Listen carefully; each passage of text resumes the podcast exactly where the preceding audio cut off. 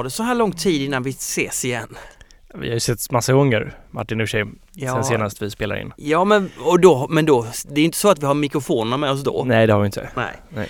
Men det, det det beror på att du jobbar mycket eller? Jag jobbar mycket och jag har varit bortrest väldigt, väldigt mycket det senaste.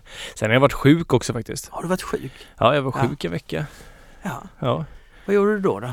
Det var jag mest hemma faktiskt.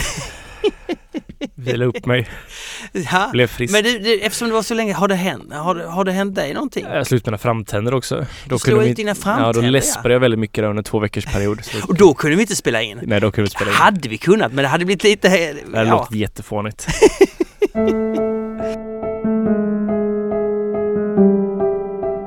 Vi har jobbat väldigt, väldigt mycket med OO också det senaste. OO, alltså Mm. OO, Olle och Olof. Precis. Eh, brewing. Nej, bryggeri. Nej, brewing. OO Brewing. OO Brewing. Mm. Ditt- O and ja. O kan man säga Ja. också. Men vadå, du har jobbat med det? Du, du jobbar väl alltid med det? Jo, jag jobbar alltid med det, men jag har jobbat väldigt intensivt med det, det senaste kan man säga. Vi har... Ja, eh, det är officiellt nu att vi ska starta eget bryggeri, OO. Just det. Mm.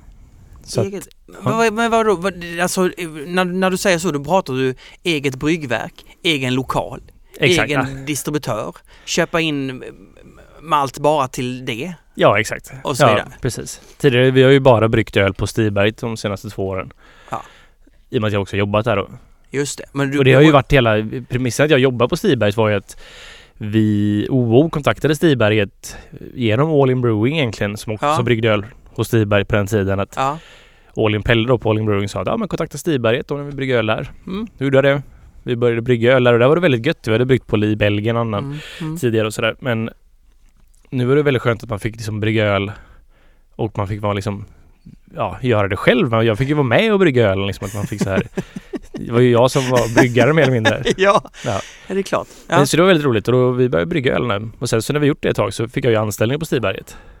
Just det. Ja. Så gick det Och till. sen har jag jobbat som brygg, bryggare för Stiberget sen dess. Men en anledning till att jag började brygga på Stiberget var ju Ja. att OO började göra sina öl. Ah. Och nu får du äntligen då starta Exakt. helt egna så att säga. Exakt. Och det har varit planen sen Ja.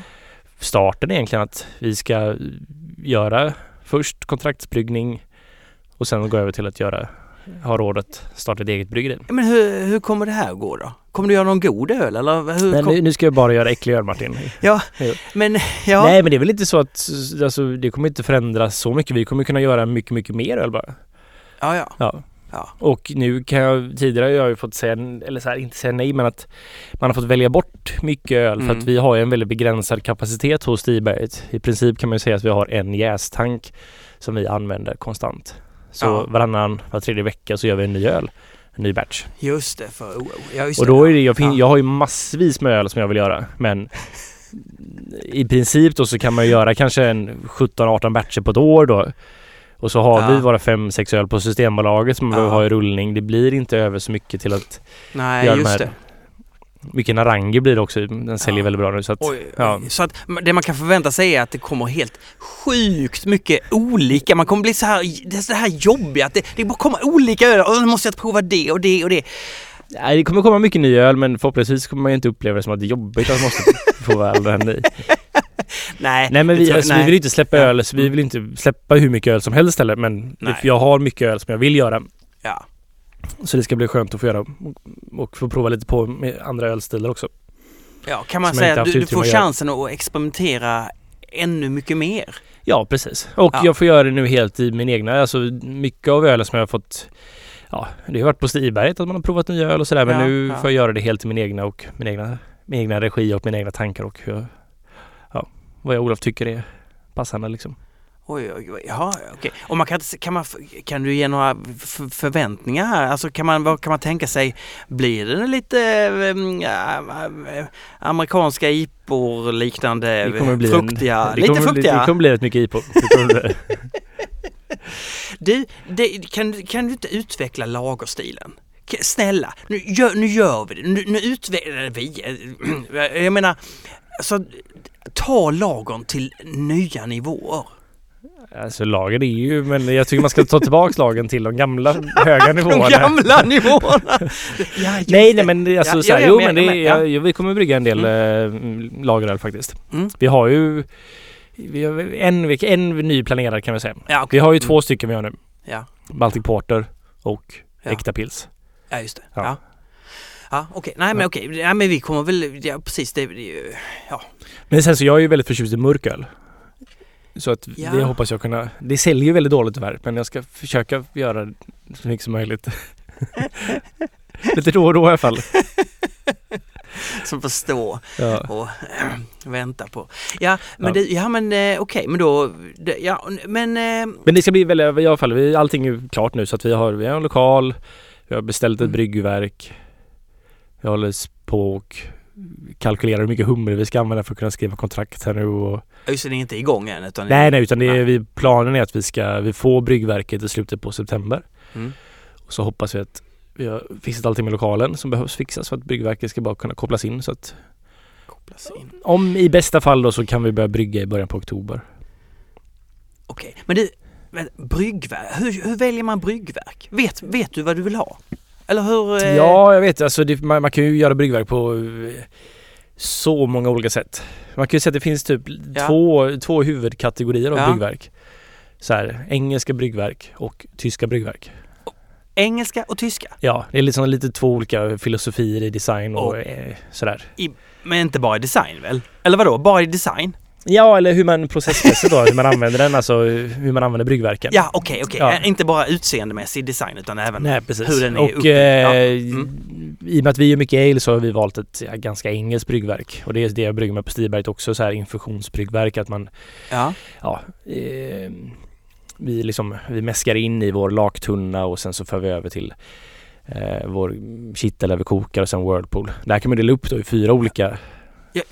man kan dela... Vad, kan man dela Ja men så här, bryggprocessen består ju av det här att man mäskar. Mäska, Ja, där blandar man malt med hett vatten. ja. Sen lakar man. Lakar man. Sen kokar man. Men du, och lakar är att man... Lakar är att man, eh, man silar av vörten helt enkelt kan man säga. ja, man man, silar av vörten. man Mm. tar ut då det här liksom, när man mäskar så blir det en gröt. Ja. Och det här, allt vattnet binder ju allt socker då liksom. Ja. Sockret frigörs ju från. Och sen så har man hett vatten på så man liksom låter det rinna igenom. Och så är det ett filter. Och då lakar man. Då lakar man. Och sen Och så samlar man tredje- upp då all vörten som är då sockervattnet från malten. Ja, Vörten helt enkelt. ja, Och sen så dör man det, ja, så kokar man det. ja. Och sen så whirlpoolar man och kyler detta. Kallar man det. Whirl, Okej. Whirlpool är att man bara snurrar runt det för då blir det som en centrifugalprocess med allt, alla klum, eller alla Mm. partiklarna hamnar i mitten. Så, Ah, så filtreras detta ut då så att det inte... Och så kyler man ner det och så jäser man det. Ja. Men det är ju fyra steg och då Ja. kan man ha fyra olika, eh, vad ska man säga, kittlar för detta. Helt enkelt. Fyra Men vi kittlar. har kombinerat, vi har två kittlar så vi har meskolak i samma, och Ah. whirlpool samma. aha. Och sen tyskar har oftast att de har så att man ska ha stegmäskning, mer automation på sina bryggverk.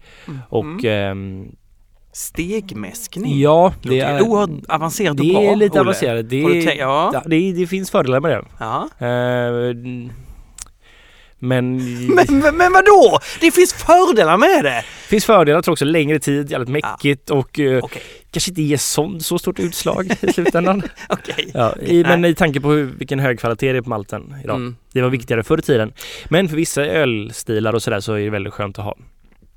Sen så kan man såklart ha detta i, vad ska man säga, både tyska och engelska bryggverk har närmat sig varandra i design och process Mm. liksom. Jag gissar att det Ja. tyska bryggverket är bättre för lager. Jag gissar ja, så är det. Just det! Ja. Ah, och så Det är framförallt- väljer ni Ja, just det. Ja, det är bra. Men det är framförallt för ljuspilsner och sånt man kan behöva stegmäskning och sådär då. Mm. För rätt kropp i ölen och så. Men- Styra mer parametrar. Jag tänker mig att ni har en stor, kommer ha en stor lokal. Ni kanske kan ha ett tyskt, alltså lite senare. Ja, kanske det. Vi får se. Okej, Ja, okej nu, nu fattar jag hur man väljer. Okej. Och- Ja men fan, så ja, vi, vi, mm. men vi, vi, vi var rätt säkra på att vi ville ha ett eh, ganska bra bryggverk. det var, är väldigt säkra Vad, vad ska vi ta? Ja, vi, ja, Ska vi ta ett bra? Ja, men vi Ja. gör det. ni tog ett bra ja. Vi tog Mm. det bra. Nej men vi, för man kan idag köpa uh, bryggverk från Europa, man kan köpa bryggverk från England och sen USA och sen man kan också köpa bryggverk från Kina som är en, många gör idag. Som är Mm. ett, och de kopierar ju egentligen designen av både tyska och eng, eh, amerikanska bryggverk. Mm. Mm. Ehm, och det finns bra tillverkare i Kina och det är många som eh, men det finns också många som har haft väldigt mycket problem med kinesiska bryggverk för att ofta kan det vara att de som gör bryggverket faktiskt inte riktigt vet varför de gör olika delar för att de har bara sett ritningar på att de är inte så involverade i Mm, nej, Så att- okej. då kanske man flyttar ett så här ett rör, ja men det kan väl lika gärna sitta här. Fast då tänker man inte på det här och det här och så Ja. ja, blir det fel. Men eh, så vi, vi beslutade så att vi vill ha en, eh, en, ja, en, en tillverkare som vi kan lita på, som vi kan också så här återgå till och liksom, Mm. ja, som har funnits med i branschen länge och så, här, så vi hade en del amerikanska vi tittade på faktiskt, för det är Mm, amerikanska öl vi gör framförallt. Ja. Så vi stod mellan två stycken och det blev ett som heter DME, DME. ett kanadensiskt brygghus verkar det. Diversified Metal Engineering. De har gjort öl, eh, eller bryggverk då i 30 år. Eh, Ja. Och eh, alltså det är liksom de och två andra som är de stora i USA Mm, kan man säga. okej. Eller stora Mm. hos de små tillverkarna av öl. Just det. Men det var väldigt tur, det andra som stod mellan, de gick faktiskt konkurs här nu för någon månad sedan. Så Oj! hade vi valt dem så hade det kanske våra pengar försvunnit där. Så där hade vi lite tur. Ja, eh, Ja. Men det kom från en blixt från klar himmel. mm. Det är väldigt mycket spekulation och arga och Mm. sura miner i USA just nu. För att Jag förstår. Ja. de Okej. är väldigt, väldigt på, på, eller så här, de var en pålitlig eh, tillverkare.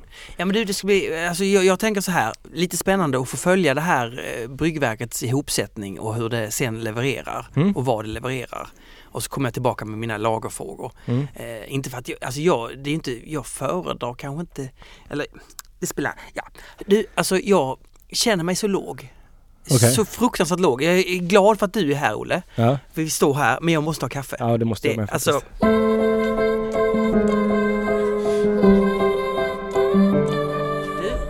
Ja. Vet du vad, du sa så här, drick nu, alltså nu går du ut och sonderar terrängen svensk öl. ja. Och det, det jag, bilden som blev väldigt stark är, vad är svensk öl? Jo, för mig är väldigt mycket att gå genom en park ja. en, en tidig vårmorgon. va. Det kanske är... Och dricka Pripps blå. Ja, alltså drick, nej, att vandra bland ett hav av burkar. Du ser den här silvriga Millenniumburken, okej nu görs den av Carlsberg, men och du ser Sofiero. Jag görs faktiskt inte av Carlsberg. Jo, Gör jag det? kollar på Systembolaget nu. Ja, nu görs Är inte det de som gör uh, Sofiero som är Millennium? Jag kanske har fel. Nej, Sofiero görs ju av Kopparberg. Ja. Det är helt, alltså det, ja. Jag tror det var de som hade, att det var typ samma öl mer eller mindre. Ja, men jag det kanske är- fel. Ja. Ja, för jag har varit precis inne på Systembolaget och Okej, kollat. De har ju så mycket info. Va? Eh, och du har, du har ju den här som bara heter, sta- som heter starköl. Och så har. Men starköl och Millennium är väl samma? Nej. Den, Millennium, de har, en, de har en skrift på sig som är starköl. Men, Jaha, det, men när jag sökte... Ja, för den hette ju Millennium under, för de gjorde den för millennieskiftet så är det inte så bra så då bytte de namn till Exakt, det är väl Millenniumölen? Ja, Ja, det är. Och så står det starköl på den. precis. Eh, men det finns ju en annan då eh, som heter Svensk starköl. Oj, den har jag aldrig sett. nej, nej. Den, den, och så Marie, så jag, jag gick till systemet, alltså jag var ju bjuden på en liten sån här när man doppar grejer i olja, vad heter det? Eh, man, man, eh, fondue. Fondue, ja. En japansk fondue. Okej. Så- Och då, tog, då tänkte jag, jag tar med mig dricka till det här. Ja. Så jag hade med mig de här fyra burkarna eh, och smakade av dem väldigt noga. Ja. Jag måste säga det att eh, Sofieron var söt som satan alltså. Den var så söt, det var sånt godis. Jag, jag tyckte att det, det, det vände sig lite i munnen. Mm. Men och de andra, det var inte så att jag gillade dem. Nej. Om jag säger så. Men det är ju någonting med det här med ganska stark öl, lagerstil. Ja. Att kanske det är att alkoholen inte gömmer sig så väl i den här ganska rena smaken. Mm. Så kan det vara. Kan man säga så eller? Ja, det kan man nog göra. Det är inte helt fel. Nej, men det, det, det är väl... Alltså, det beror ju på var man får socker ifrån om man, och hur Mm. man processad. Men att om det blir liksom... Till exempel om man har socker i öl, typ som elefantöl och sådana saker, de smakar ju väldigt spritigt och så här. Det blir Ja. väldigt fula smaker kan jag tycka. Ja. De är bara öst ner en massa socker och så har man ingen malt som kan Mm. dölja detta eller bygga upp detta utan så här. Men om man eh, då ja, om man gör lageröl och får ut ganska mycket och har hög utgösning så kan det bli ganska om man inte har så mycket liksom så här Mm. komplexitet som faktiskt döljer alkoholen eller faktiskt Men jag, jag måste vara helt ärlig, det var jättelänge sedan jag drack de här ölen. Jag kommer inte riktigt ihåg hur de smakade. men jag tänker ändå att det här är ju den, den ölen som dricks mest av Mm. i Sverige. Jag menar det här, det här som vi håller på och tjafsar om med hantverksbrygg, det är ju en sån, det är ju en liten, Det är ju en liten... är det 10 8 8 av marknaden tror jag. Ja, 4-6 procent. Oj, sådär. ja. 4-6, ja. Mm. Okej, nu vi... Det här kan ni ju skriva in till oss. ja, eh. jag gissar på att det är någonstans mellan 4 och 6 där tror jag. Ja. Det är, det är Olles gissning, jag Ja. gissar 8. Mm. Ja. Men hur som helst. Nej, så det, Ska vi säga, det är av försäljningen på Systembolaget då? Det får det väl kanske vara då. Ja, och då räknar man ju inte in den tyska importölen. Ja, du tänker så. Tänker Mm. så. Nej men jag tänker, det är ju ändå den som är... Det är klart, den är ju billigast. Mm. 7,90 för en 50, 50 ja. Det är jävligt billigt alltså. Ja, alltså det är riktigt billigt. Så det är klart att eh, prismässigt så vinner de ju rent så här. Och du har ju pratat väldigt mycket om att öl ska vara billigt. Här lyckas man ju med det va? Ja, ja visst. Det är lite väl billigt kan jag tycka. Det finns ju... Ja. ja. Nej men, eh, och, ja just det. Och det, det här, ja. Så, så det gav jag mig in i. Sen så tänker jag... Jag har inte sagt att öl ska vara billigt. Jag har sagt att öl ska vara lättillgängligt Martin. Det ska inte vara någon så här... Nej, det var det. Nej, och sen, men sen har jag provat eh, skandinavisk eh, öl runt om. Jag var i Oslo här nu i helgen och, och var på Skauskällaren Mm. som är ett, ett mikrobryggeri. De har massor med mikrobryggerier i Oslo som har egna barer och så bara serverar de det för Det är inte två stycken de har. Tre. Det kanske det. Jag har ingen aning. Jag såg ett och så tyckte jag att jag, tyckte jag att jag gick förbi ett och då bara tänkte jag Oslo kryll. Men Jag, jag har var varit på två stycken i alla fall. Det, Ja. Men det kanske finns tre det någonstans. Det är klart, jag ja. rörde mig mest i Grynelöcka och där, Ja. där ligger ju allt det här. Och det, men hur som helst, och där drack jag någon, eh, en, en öl. Som, det var, alltså, och, och då tänkte jag, jag vill ha den, jag lutar mig upp över disken så som jag brukar göra. Mm. Eh, för det var hög volym alltså. Mina öron börjar bli lite eh, taggiga så att säga. Eller, eh, och, jo, och då Martin bläddrar på sin telefon efter Då bilden. drack jag, då, då drack jag Scoutkällarens eh, mikrobryggeris Help Me Up Bro. Som var, eh, eh, Help me up bro. ja, kostar bara 99 norska. Eh, Det är som taget. det är som taget en 7 Vad blir det i svenska kronor? Nej det blir inte så mycket mer. Den står bara i, alltså det kanske blir 105 spänn. Så Okej. att det, det är ändå, eh, alltså en New Mexican style IPA. Eh, humlig som satan. Mm. 7,7-procentig. Väldigt god. Eh, Men New ja. Mexican style. Ja, ingen aning. Ja, det finns me- mexikansk lager. Ja. Ja. Du, jag, tror, jag tror man hittar på mycket. Jag det tror här, man var, hittar, det här ja, är nog man bara plockat ord Ja, ja, i ja. luften och satt ihop dem ja, igen. ja. ja, ja.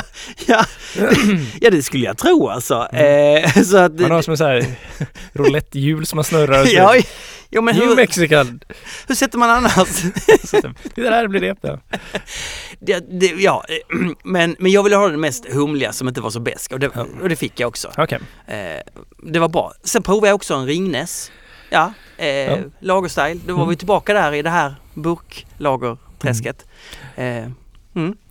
Har du druckit någon bra svensk öl? Eller har du bara druckit äcklig öl nu som du brukar göra? ja, men jag tänkte, jag, nu dricker jag svensk klassisk öl som är som Ja, men det var inte riktigt så här, du skulle dricka svensk öl liksom. Det är så här, svensk öl.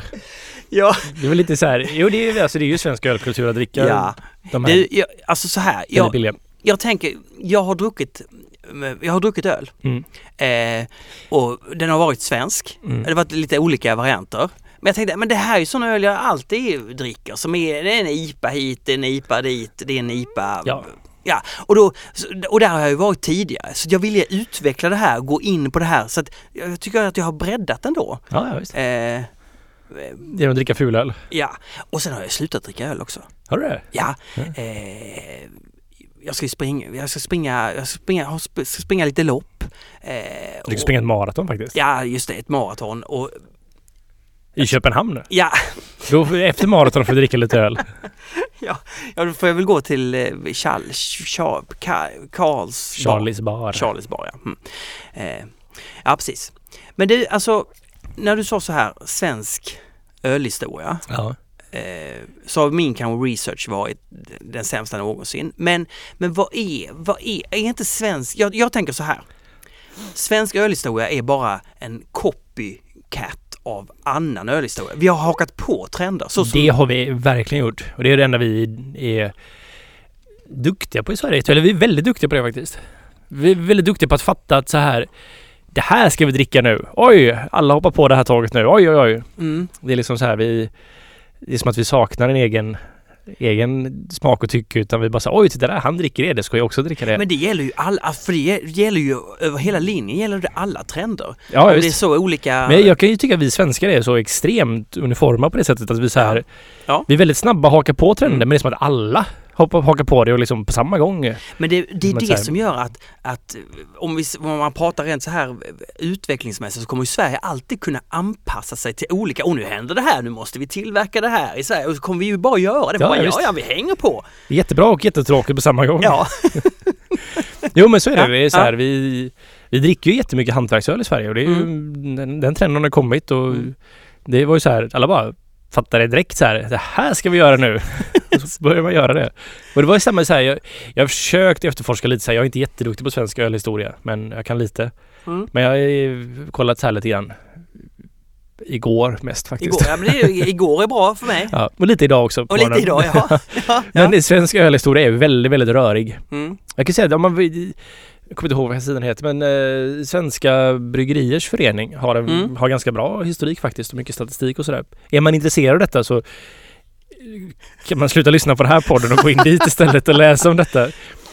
Ja. Men hur ser du på svensk ölhistoria? Alltså vad...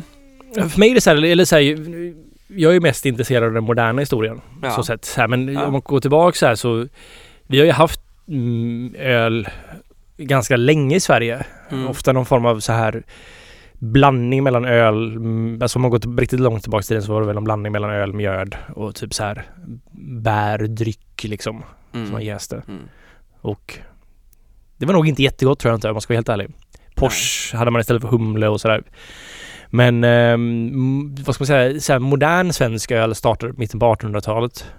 För då var det då var någon kung gift med en tysk tjej. Det är väldigt bra. Ja, Det är bra grejer. och hon gillade inte svensk öl. Nej, Nej, hon tyckte den smakade illa. det kan man tänka sig. Ja. Ja. Så då var det någon entreprenör, någon gammal sjökapten. Fredrik hette han tror jag.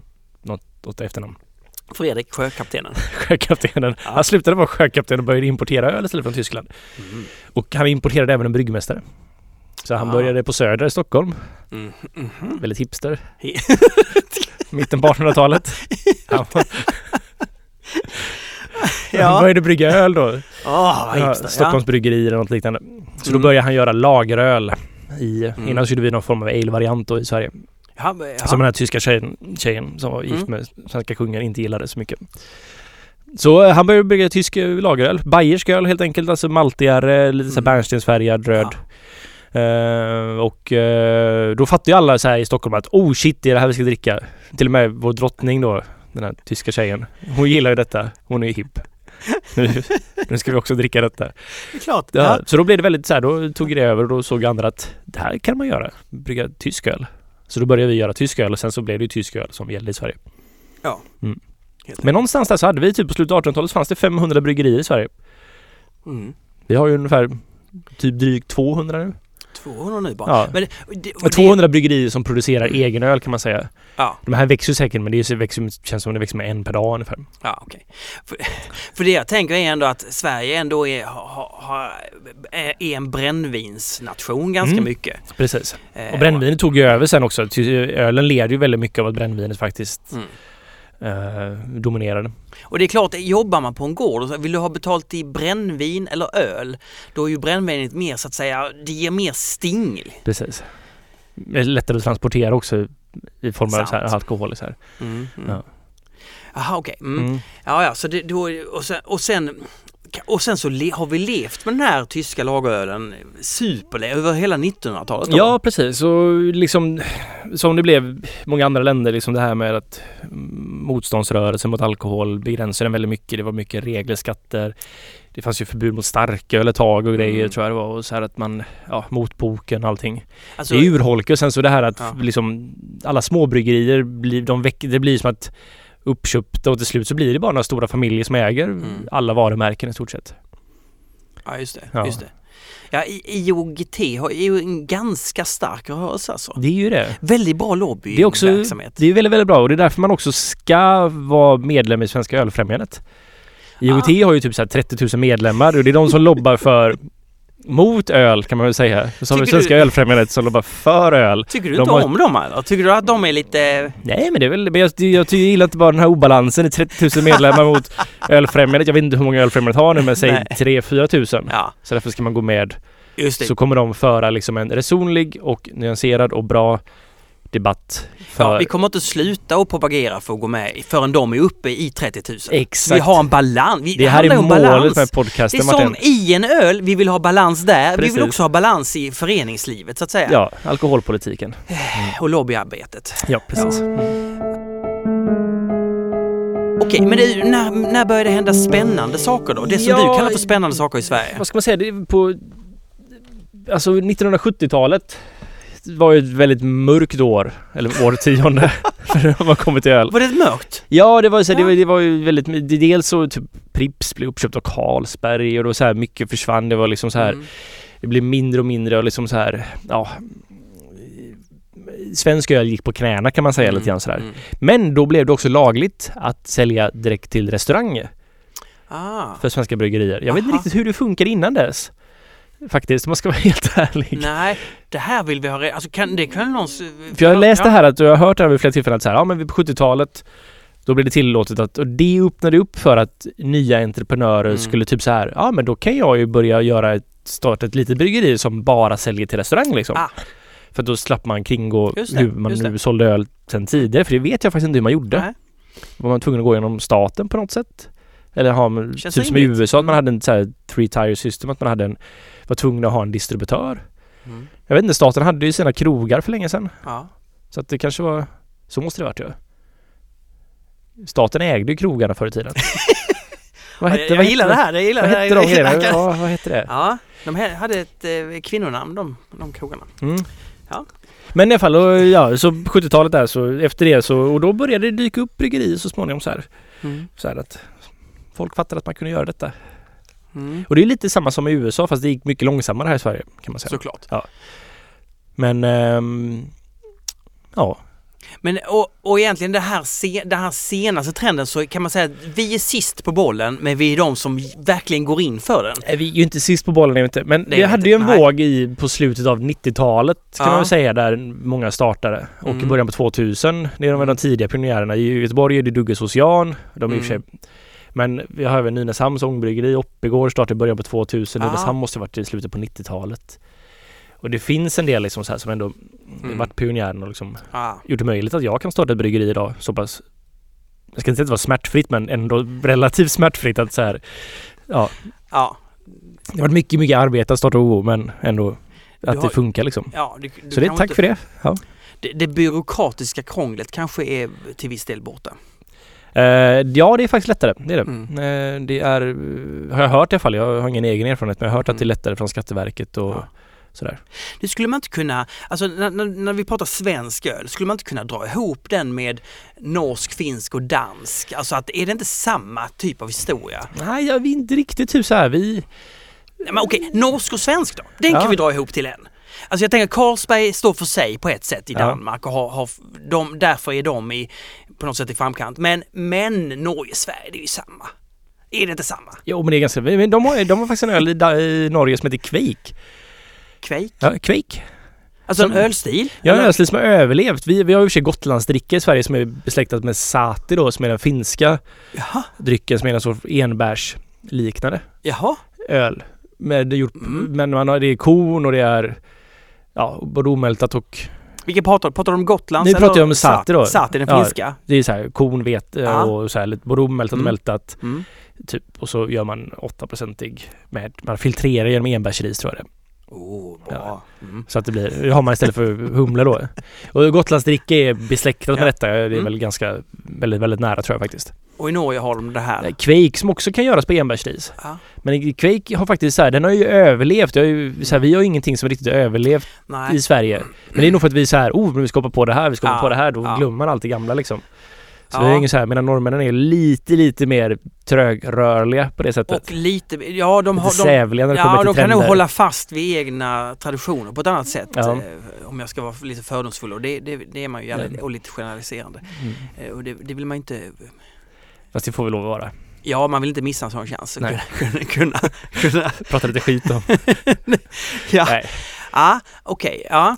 Eh, Men eh, ja, nej, men där har du i alla fall överlevt något som kallas för Quake då. mm, Som är en eh, typ av bondgårdsöl. mm. Eh, farmhouse ale på riktigt liksom. Ja, men idag, idag kallas det typ så här Saison finns ju en ölstil Mm. Och det är en belgisk ölstil. Ja. Så många tycka att ja, men det kallas för Saison om det är från Belgien då. Ja. Men om man gör då Saison-inspirerad öl till exempel i USA här, så är det farmhouse ale man gör. Ah. Fast man gör den i ett bryggeri Och då är det bondgårdsöl. Ja, bondgårdsöl. Mm. Fast man gör den då i ett bryggeri som ligger i en central stadsdel eller så här industriområde. Inget Ja. farmhouse alls med det hela. Men i alla fall, det här är satt, eller Quake då är en, det är riktig Mm. bondgårdsöl. Och det här har jag överlevt på och det finns en kille, som- han har en, eh, Lars heter han, en norsk kille. Han har gjort ett jättearbete med detta. Han har dokumenterat och ja, han har en blogg. Lars ölblogg. Tror jag den heter, fast på norska. Ja men den är Ja. jätteintressant den. Jag har Aha. läst den jättelänge och Ja. mm, det finns ett forum som heter Milk the Funk då som är Milk the funk. Milk the Funk som handlar om suröl och funköl, alltså berättaröl. Alltså vildjäsning och sådär. De, Mhm. Det här är jätteintressant för att Mm. den här gästerna som man använder i Quake, de har träkransar. Som de är liksom, Va? som, ja, så de doppar ner då i, Ja. i eh, när man har bryggt ölen. Mm. Så doppar man ner då träkransen i. Man kyler ner den då så doppar man Ja. ner i träkransen och i träkransen sitter gästen. Ah. Det är ett sätt att bevara gästen Mm. liksom. Ja, ja, ja. Det är samma sätt som man hade så här de magiska Ah. bryggslevarna förr i tiden Mm. som man rörde runt med. Det var ju så här, Mm. Så här som man bara hade till jäsning då. Att så här, men det var ju de som inokulerade brygden med gästen för att det satt i sleven liksom. Den blev ju magisk då för att man fattade inte vad gäst var utan det var så här Använder vi det här så blir det bra. Jag vet inte varför men så den måste vara magisk. Ja. Så de så här, och trä är väldigt bra för det finns massa porer. Där kan gästen sitta och den kan liksom sova där inne tills nästa brygd och sådär. Så de har ju börjat så här kultivera upp de här gäststammarna, quake-stammarna. Mm. Och så nu då blir det ett jätteintresse i USA till exempel för att göra norsk Quake med de här gästerna. Och det är jättespännande. Och det bygger mycket på att han Lars har grävt upp detta och sådär. Så det finns ett olika så här Quake-stammar som har överlevt då i de här kransarna hos bondgårdarna i förmodligen jättelänge. Och det som är gött med det, jag har faktiskt provat en Quake och det är så här, det blir väldigt så här fruktig, alltså citruskaraktär på Mm. jäsningen. Jaha, Det blir, alltså det, det är väldigt gott faktiskt. Väldigt, väldigt gott. låter... Ja. Ja, så det är en spännande gäst och det är så här. Och det här kommer ske nu för det finns så mycket dolda ölstilar runt om i världen Ja. och Europa som Mm. man kommer börja liksom gräva upp nu man börjar förstå, man har liksom gensek... Man, man liksom... Ja, man börjar liksom ta reda på DNA av olika gäst och kunna liksom så bygga en karta över det hela. Så man börjar få mer och mer förståelse för gäst då, vad den har, Ja. hur den utvecklats alltså, så här. Alltså historieforskningsmässigt låter det spännande men jag tycker det lå- det låter, jag är mycket tveksam till om det kan bli vara gott alltså. Alltså jag tror så här, ja, men om, man, om man stoppar munnen i en sån här öl så Ja. tror jag att det kan vara ganska spännande Mm. och, och roligt och att man åker på en liten färd. Men kommer man vilja ha det till middag nästa gång? Ja, alltså så tänker jag. Ja, Lite skeptisk. lite skeptisk. ja. Å andra sidan när jag provade den här kasken i, i, där i Krakow för, för ett det. tag sedan. Det var ju faktiskt en väldigt trevlig upplevelse. Ja, jag gillar att du fann engelsk öl i Krakow. att det var så där du fattade. Ja. Ja. ja, och nu ska jag ju snart finna det i Köpenhamn också. Du, jag, må, jag måste ha mer kaffe. ja, samma här. Jag har slutat äta godis Har du det? också. Jag har börjat äta godis för jag har börjat sluta snusa och röka. Framförallt sluta snusa för det var det jag gjorde. Ja, Mm. just, och det hade med tandgrejen att göra. Precis, precis. Det var, jag kunde inte snusa när det var... Jag hade lite sår i munnen också. Ja, just. Så nu äter du godis, okej. Nu äter jag jättemycket godis. Ja, Mm. eh, det, ja man, det, det hör man ju ofta. Alltså man slutar, nej men du Det här tuggar var, det här var jätteäckligt. Ja. För det jag tänker på det är att man kan ju lätt börja äta väldigt mycket sött när Mm. man slutar röka. Eh, och mitt tips är ju, börja spring. Mm. Ja, du vet ju det här själv. Ja, men... Du är ju Jag löpare. har ju faktiskt, ja precis. Jag är ju, Ja. ja. Du skulle springa ett första maraton. Jag har ju sprungit massvis maraton. Ja.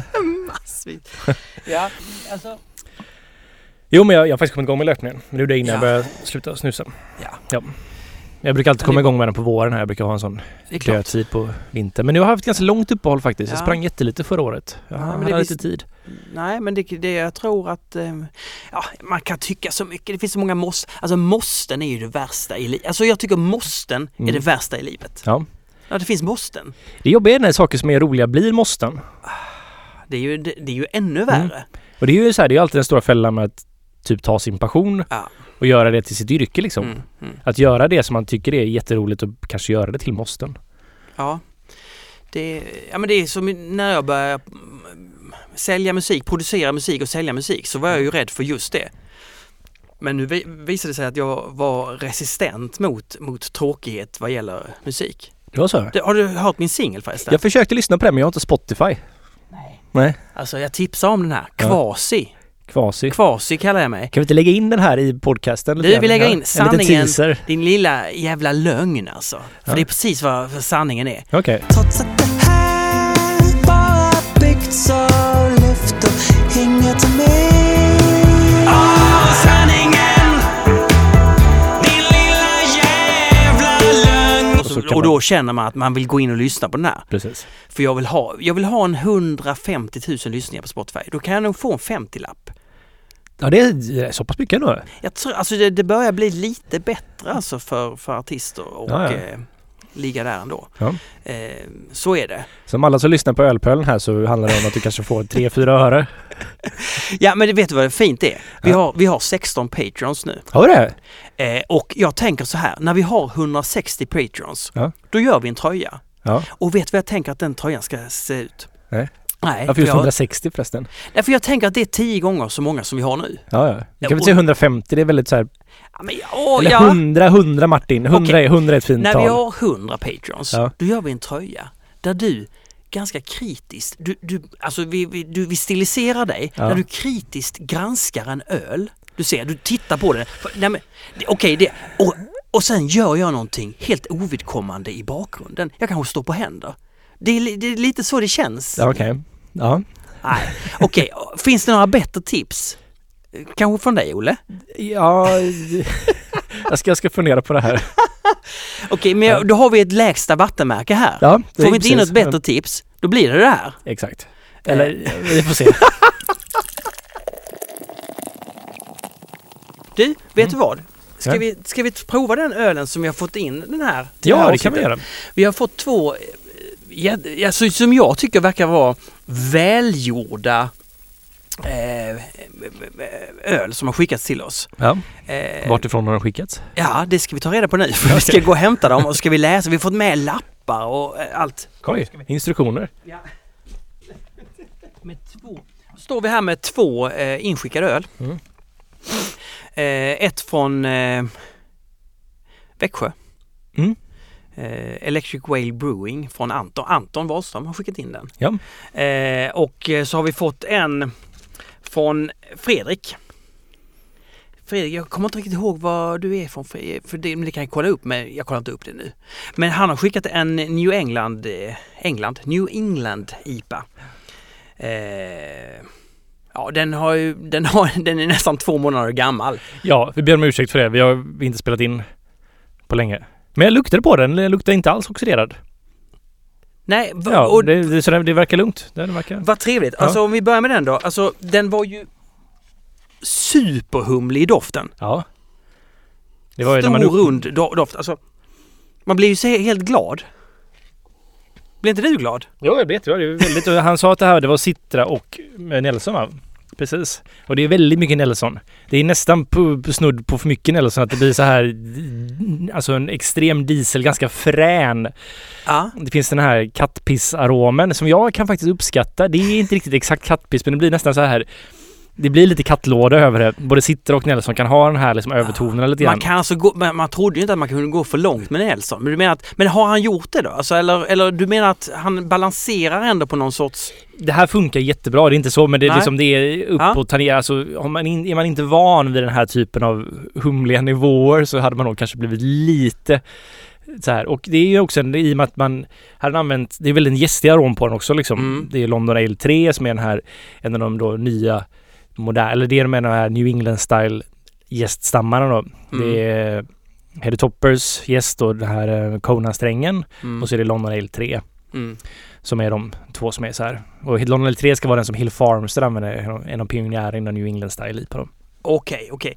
Eh, Men då blir det väldigt gästigt så då blir det så här lite skitigt, så lite, inte svav, men nästan svavligt så här. mm. Så det blir liksom så här, den här kattlådan, det här lite gästiga, det blir lite fränt liksom. Men du kan gilla det? Jag gillar det, jag gillar det. Men jag menar jag mest säger bara att det kan uppfattas som kanske lite Ja, stötande. Ja, just det, just det. Men om man nu smakar...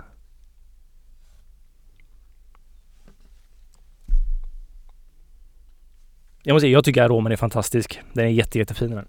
Och jag är imponerad att den är två månader gammal och håller upp så här bra. Ja. bra buteljerat. Mm. Du, att han har i lite kalciumklorid. Varför har man det i, i det egentligen? Jättegott. oh, Var det så gott? ja, jag Du- vet gott. Ja, Mm. men, men okej. Känner du hur rund och fin den här var Martin? I, den, Ja. är, den ju besk men den är fortfarande så här. Är, Ja, precis. Det är det, alltså när någonting kan vara ganska bäst men det har så mycket smaker så man tas, man Mm. dras bort från beskan och den Precis. finns där som en botten och det är Ja, väldigt, väldigt fint Och alltså. så här liksom så har man den där härliga munkänslan och ja. Kalciumklorid hjälper till med det kan man säga. Aha, Mm. med rundheten. Med rundheten, ja. Man, det är så här, man brukar ha, det är liksom, man pratar om ofta om två mineraler när man, Mm. eller två, eh, så här, är det mineraler? Ja det är det väl. Men det är två olika man använder i, som vattenbehandling då. Det är Ja. kalcium, men kalcium behövs i öl liksom. Det behövs Ja. för flockulation av gäst, det behövs för att gästen ska må bra, det behövs för att man Mm. ska få ut om man inte ska göra väldigt grumlig öl, vill man göra klar öl så har man kalcium i för att faktiskt hjälpa till att få bort mycket proteiner och sådär. Aha, okej. Ja. Men ehm, ja, kalciumsulfat och kalciumklorid är det man stoppar Mm. i ölen. Man brukar ha det i mäsken också för att också hjälpa till att nå rätt pH-nivåer i mäsken. Och man har alltid i någonting av det här? Tar man, häller man, äh, man kör aldrig utan eller? Jo, det kan man göra. Alltså, Ja. Man kan ju köra utan. Mm. Men ofta så behöver du ha någonting för att hjälpa till med att hitta rätt. Du vill ha en eh, viss pH då i, i Mm. mäsken. Ja. Så då du kan använda massa salter för att ja. ge, hjälpa få massa reaktioner då som sänker pH. Mm. Eller så kan du i liksom fosforsyra eller mjölksyra då för att bara sänka pH. Sulfaten där då? Ja, just det. Nej, nej, nej, nej, nej, inte sulfat. Nej, nej. Nej. Ja, precis. Mm.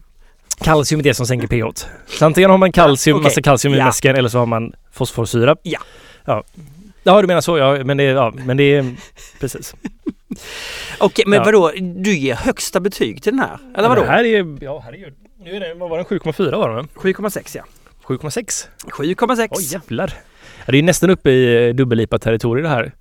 Men den är eh, jättefin, balanserad. Eh, ja, Vad trevligt. Du, det var, det var den New England-IPan då. Du, vi går till den här andra rökölen. Mm. Eh, fast som inte var en rököl. Nej, det var en eh, rököl utan rökmalt Ja. som har kinesiskt rökte i sig. Alltså den doftar ju otroligt mycket eh, te. Mm. Och rök. Och rök. Ja, Ja. ja, alltså rökte då. Ja, rökte. Men det doftar ju väldigt gott. Jag får ju ändå säga att det var ett, det är ganska... Jag gillar rököl väldigt mycket. Det, är de, det finns ju... Den, den vanligaste är ju tysk rököl från Bambergregionen. Mm. Det är ju då att man har... Det är bokved, tror jag det. Man röker malten på. Ja. Och det är att man, när man torkar, man kilar malten så torkar man den under eh, öppna eldar liksom så att röken får vara i samma rum liksom. Och Det var ju så malt gjordes förr i tiden. Mm. Så förr i tiden så var väl allting rökigt, all öl kan jag tänka mig. Det var ju först när kokset uppfanns som man lyckades göra det här på mer stabilare och bättre sätt. Mm. Ja, Men i alla fall så att, ja, och den har ju en väldigt angenäm rökighet, väldigt så här mycket charkuteri och sådär, den här Mm. bokvedsrökta Ja. malten. Sen Ja. finns det ju då torvrökt malt, så här whiskymalten, den är ju mycket mer fränare.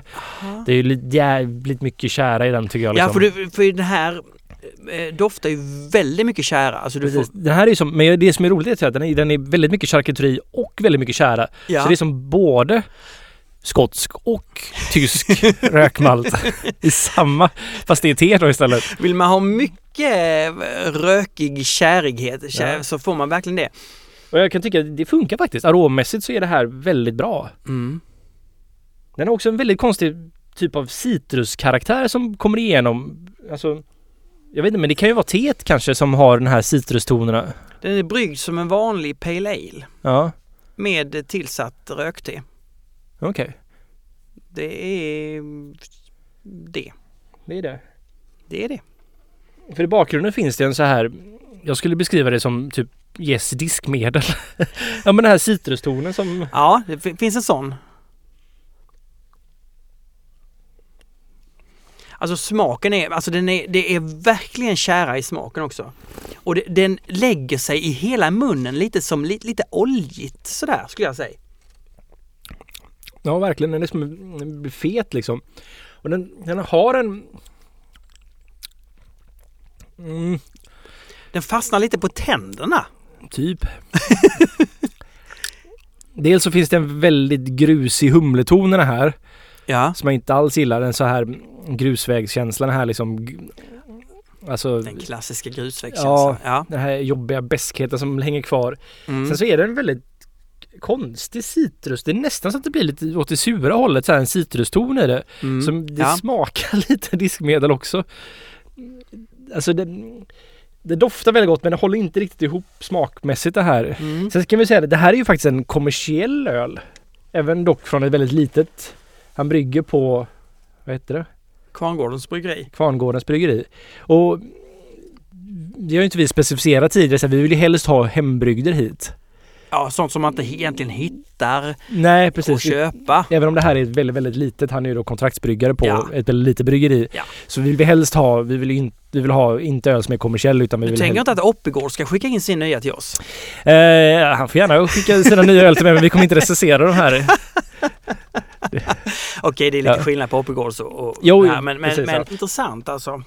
Okej, då är en, en IPA som var eh, mästarbetyg och en rök, rökig ale som var jättefin i doften men lite problematisk att, att dricka. Mm. Ja. Men som sagt, jag kan inte riktigt identifiera smaken men Mm. den är väldigt nära. Okej. Ja. Du, eh, eh, vad är det mer nu då att prata om? Jag tänker, eh, har du ju, ja, nej? Nej, jag vet inte riktigt. Det har varit väldigt intensivt den senaste. Det kommer fortsätta. Jag har haft kanske mest intensiva halvåret någonsin. Ja, Och det kan nu- jag förstå. Ja, och nu ska jag ha det ännu mer intensivare halvåret framför mig. Det kommer nu? Ja, det kommer nu. Det kommer så det ska nu. bli ja. spännande. Så vi ses någon gång i, sommar? Ja, vi ses någon gång framåt vintern tror jag Martin. Nej, det gör vi inte. Men vi... Det är hela maj här nu. Jag är bortrest på ölfestivaler varje helg. Så nu sticker jag till Molde den här på torsdagen den här veckan. I Näst- Norge eller? Ja, Mm. ganska långt upp i Norge. Jaha. Vi tackar ja, ja till den här ölfestivalen för att det var, vi vet att Molde är väldigt, väldigt fint så vi vill åka dit. En sån jätteliten mysig festival. Okej, varit Molde. Och, Ja. och sen då? Sen ska vi till eh, Köpenhamn nästa helg. Ja. Eller helgen efter det. Så att eh, då är det Mikkeler Beer Celebration Copenhagen. Är det inte då jag springer eller? Nej, du springer 19 Ja. Eva. Ja, nej, 20, 21. 20, Ja okej, men den helgen i alla fall. Ja, Det är nästnästa helg. ja okej. För nu till helgen är det Molde, sen så är det Mikkeler Beer Celebration Mm. och helgen efter det då åker jag till Bergen. I Norge igen? Norge igen, för då är det Sjufjäll som anordnar en festival där som vi ska vara med på. Med OO. Så Köpenhamn är med Stiberget, då ska vi ställa ut där. Och Molde nu i OO. Ja. Så nu är det väldigt hektiskt här framöver. vi, ja. Men ja, vi får försöka spela in igen här. Så blir det. Ja. Jag har inte kommit på ett nytt tema utan jag, jag tänker, nej men jag, jag, jag kommer messa dig detta istället. Du messar med ett Ja. tema. Man kan inte fundera ut någonting som man lyssnar här. Nej, okej, Nej. utan du bara, bara så. Ja, men då så. Då eh, uppmanar vi bara att gå med i Svenska Ölfrämjandet. Ja. Så att vi får upp den här balansen. 30 000 är vårt mål. Mm. De är 3 000. Eh, Jag vet inte om de är 30 jag vet faktiskt inte hur många de är i Svenska Ölfrämjandet. Jag Nej. tror det är under 5000 i alla fall. Jag tänker också så här. Mm. Att om vi får in de här 100 patrons. Ja. Då kommer vi att, förutom att göra tröjan, Mm. att anstränga oss lite grann för att få till ett avsnitt lite, trots att du har de här ölmässorna så kommer, så kommer jag förbi dig mitt i natten och så bara kör vi. Mm. Det låter ju fruktansvärt men ja. Ja, men Ja. jag tänker att man får ju ha någon insats, man får ju ge någonting tillbaka va. Du menar att vi, vi skärper oss lite, vi kammar oss lite om Nej men då, ja men får man in, får man in de här dollarsarna, då får man ju faktiskt ge någonting tillbaka. Det är klart. jag doftar nu på den här New England IPan här. Ja, så du tar... Jätte- Jag ska inte dricka, jag ska bara dofta. Nej, just det. Jag dricker med Eh, näsan istället. Tack så hemskt mycket Ina för att Mm. du klipper. För att du hyfsar till det här. Ja. För att allt det här tjafset blir till prat. Precis. och förståelighet. Mm. Så ses vi någon gång i höst. Eller Nej. tidigare. Ja. and purr, la la la la, and purr,